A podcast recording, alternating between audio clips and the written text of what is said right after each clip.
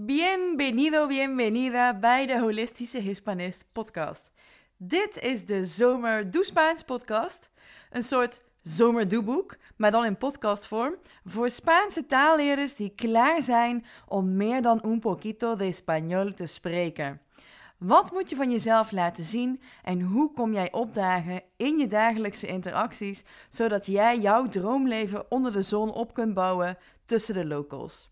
Holistisch Spaans leren, dat is waar ik je mee inspireer in deze podcast. Simpele tips, tools en inspiratie.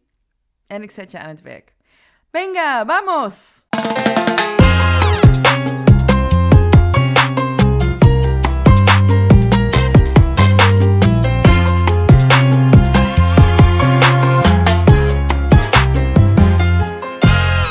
Hola, Oli, hola, ¿qué tal? We gaan het hebben over het bepaalde lidwoord. Ja, ja, jongens, we hebben er een grammaticale term die we erin gooien. Wat is een bepaald lidwoord? In het Nederlands kennen we die als de of het. Wat is dan, waarom bepaald? Onbepaald is een. In het Spaans hebben we ook bepaalde en onbepaalde. En in het Spaans zijn de bepaalde lidwoorden el en la. El voor mannelijke woorden, la voor vrouwelijke woorden. En los en las zijn dan respectief mannelijk meervoud en vrouwelijk meervoud. En ook onbepaalde lidwoorden hebben in het Spaans. Un, una, in unos, unas. Wanneer wordt dat bepaalde lidwoord in het Spaans gebruikt? En waarom wijd ik hier een hele aflevering aan? Omdat die in het Spaans vaker gebruikt wordt dan dat wij met het Nederlands gebruiken. En ik zeg altijd, je moet een beetje feeling met de taal krijgen. En daarom is het belangrijk ook dat je met native speakers spreekt en oefent. Want sommige dingen kun je dus niet letterlijk vertalen. En daar gaat dit eigenlijk over. Het zelfstandig naamwoord, als dat het onderwerp van de zin is, dan is dat met een bepaald lidwoord. Bijvoorbeeld, el vino es muy rico.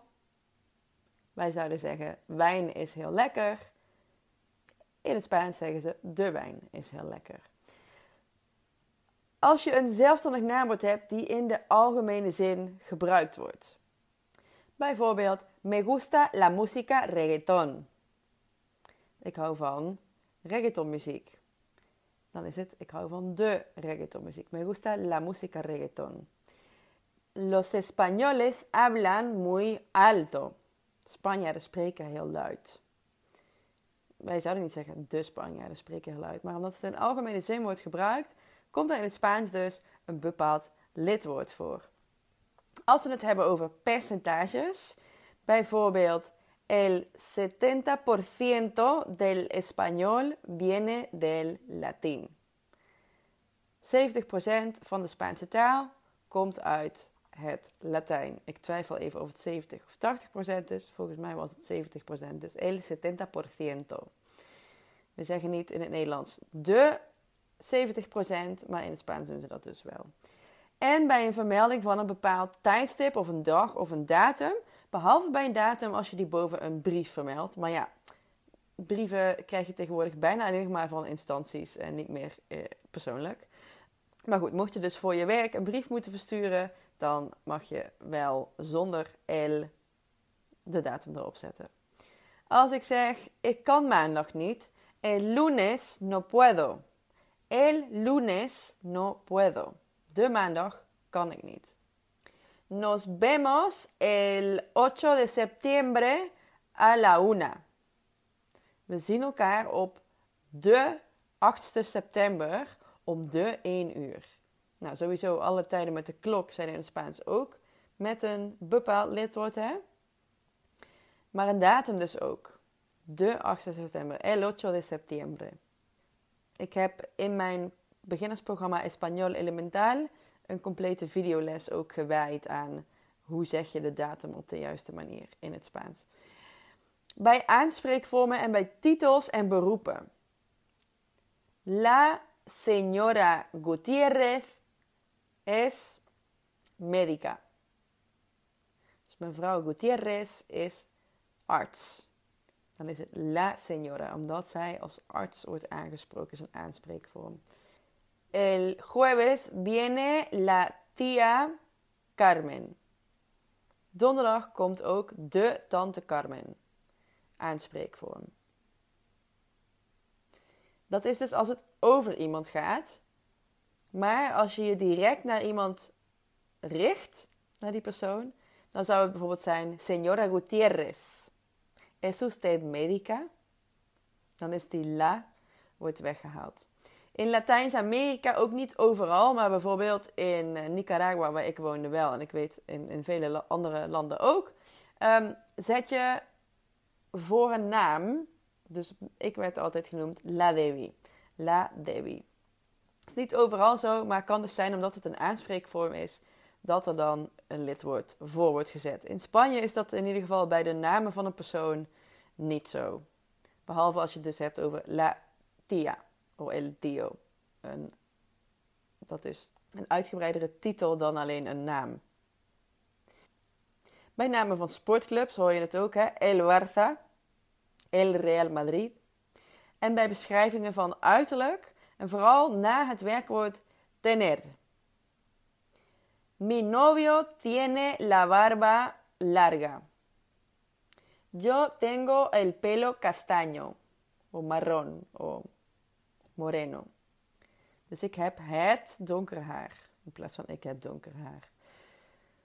Voor woorden die een plaatsaanduiding, een locatie aanwijzen en die gevolgd worden door een naam. Bijvoorbeeld straatnamen. We hebben altijd la calle, de straat. La calle Carvajal. La calle Carvajal.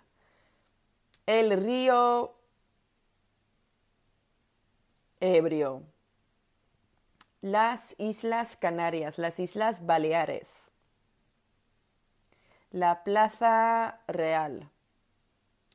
En het wordt gebruikt bij uitdrukkingen die een maat of een gewicht of een percentage aangeven. Nou, het percentage hadden we net al. Hè?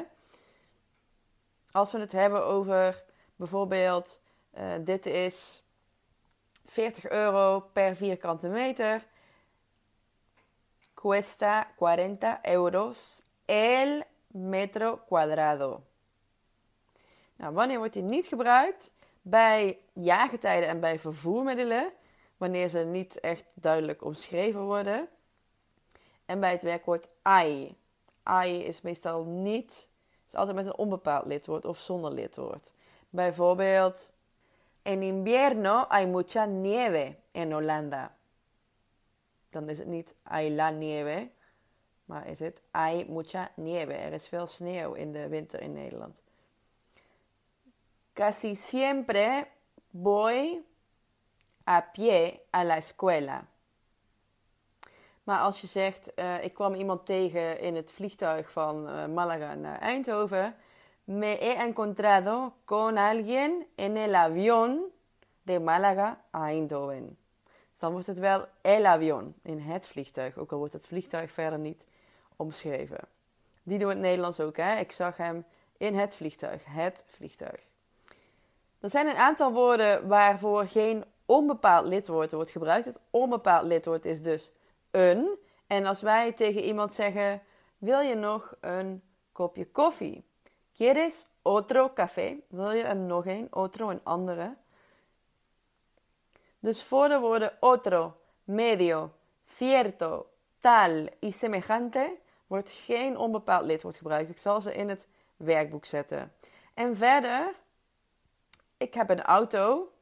Tengo coche. Dus het gaat over, in zijn algemeenheid heb je in de categorie auto's, heb je een auto. Dus als je zegt, ik heb een auto, zeg je tengo coche. Als je zegt, ik heb een nieuwe auto, waarin je dus iets specifiekers zegt binnen die categorie van auto's over jouw auto. Tengo un coche negro. Ik heb een zwarte auto. Dus een specifieke toelichting en daarom gebruik je dan wel een lidwoord. Tomo agua. Ik drink water. Maar als je water pakt dat je, weet ik veel, gekoeld hebt of je hebt er ijsklontjes in gedaan. Tomo el agua helada de la nevera. Uit de koelkast. Ik pak het water, het koude water, uit de koelkast. Als je een beroep benoemt, gebruik je ook geen bepaald lidwoord.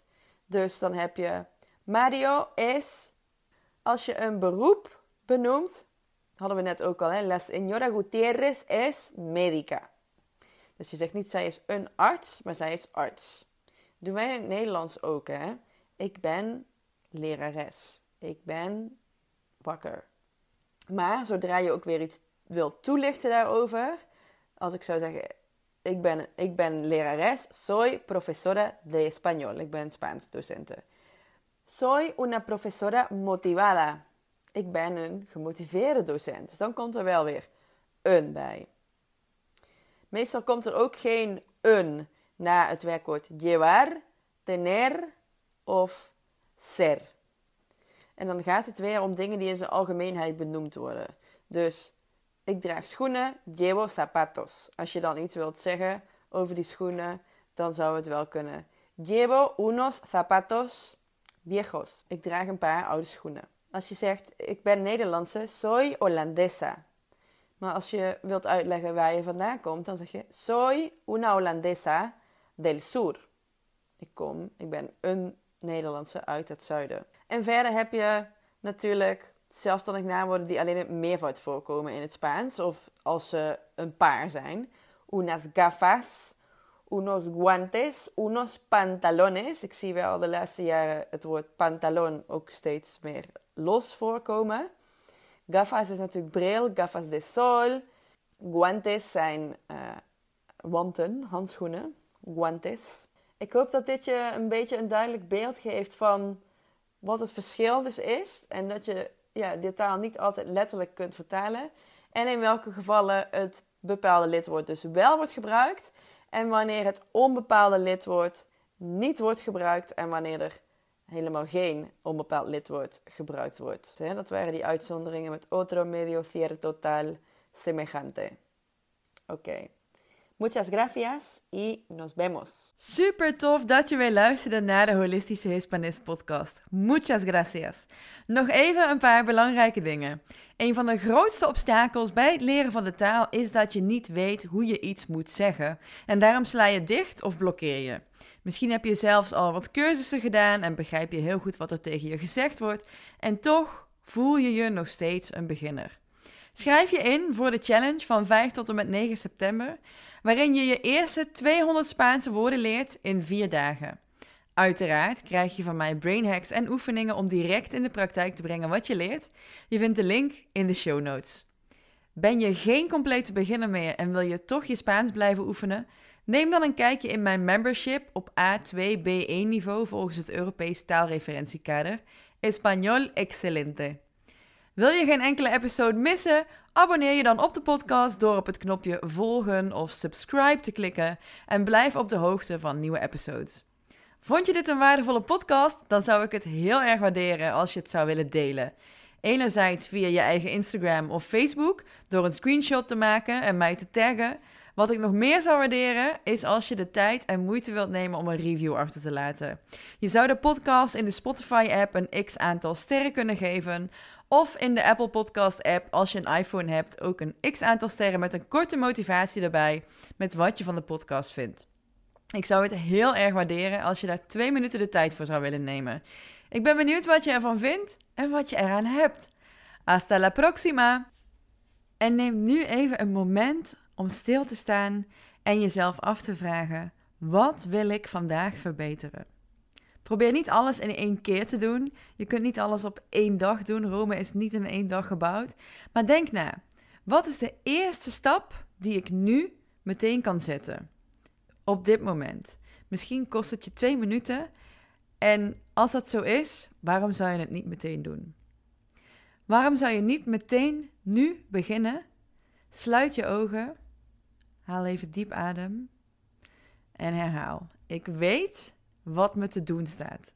Ik weet wat de volgende stap is en ik ga hem nu zetten.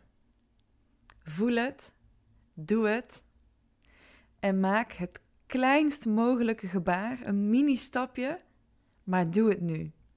Jouw persoonlijke groei, je netwerk vergroten, je relaties verdiepen, iets nieuws leren, een nieuwe techniek toepassen die je helpt. Maar het helpt alleen als je het ook gaat doen en er niet alleen over na blijft denken. Denken heeft geen zin als je het niet gaat doen. Onthoud dit geheime ingrediënt. Jouw gedrag, hoe jij komt opdagen in jouw dagelijkse interacties, is het geheime ingrediënt. Jij zendt een bepaalde energie uit. Als je met een glimlach de straat oploopt, gaan de mensen dat opmerken. Als je zonder glimlach de straat oploopt, gaan de mensen dat ook opmerken. De wereld ligt aan je voeten. De mensen wachten op je, dus ga naar buiten. Zet je beste beentje voor met een grote glimlach. Ga je beste leven leven en wacht niet tot het aankomt waaien. Geef het beste van jezelf en dan strekt de dag zich voor je uit.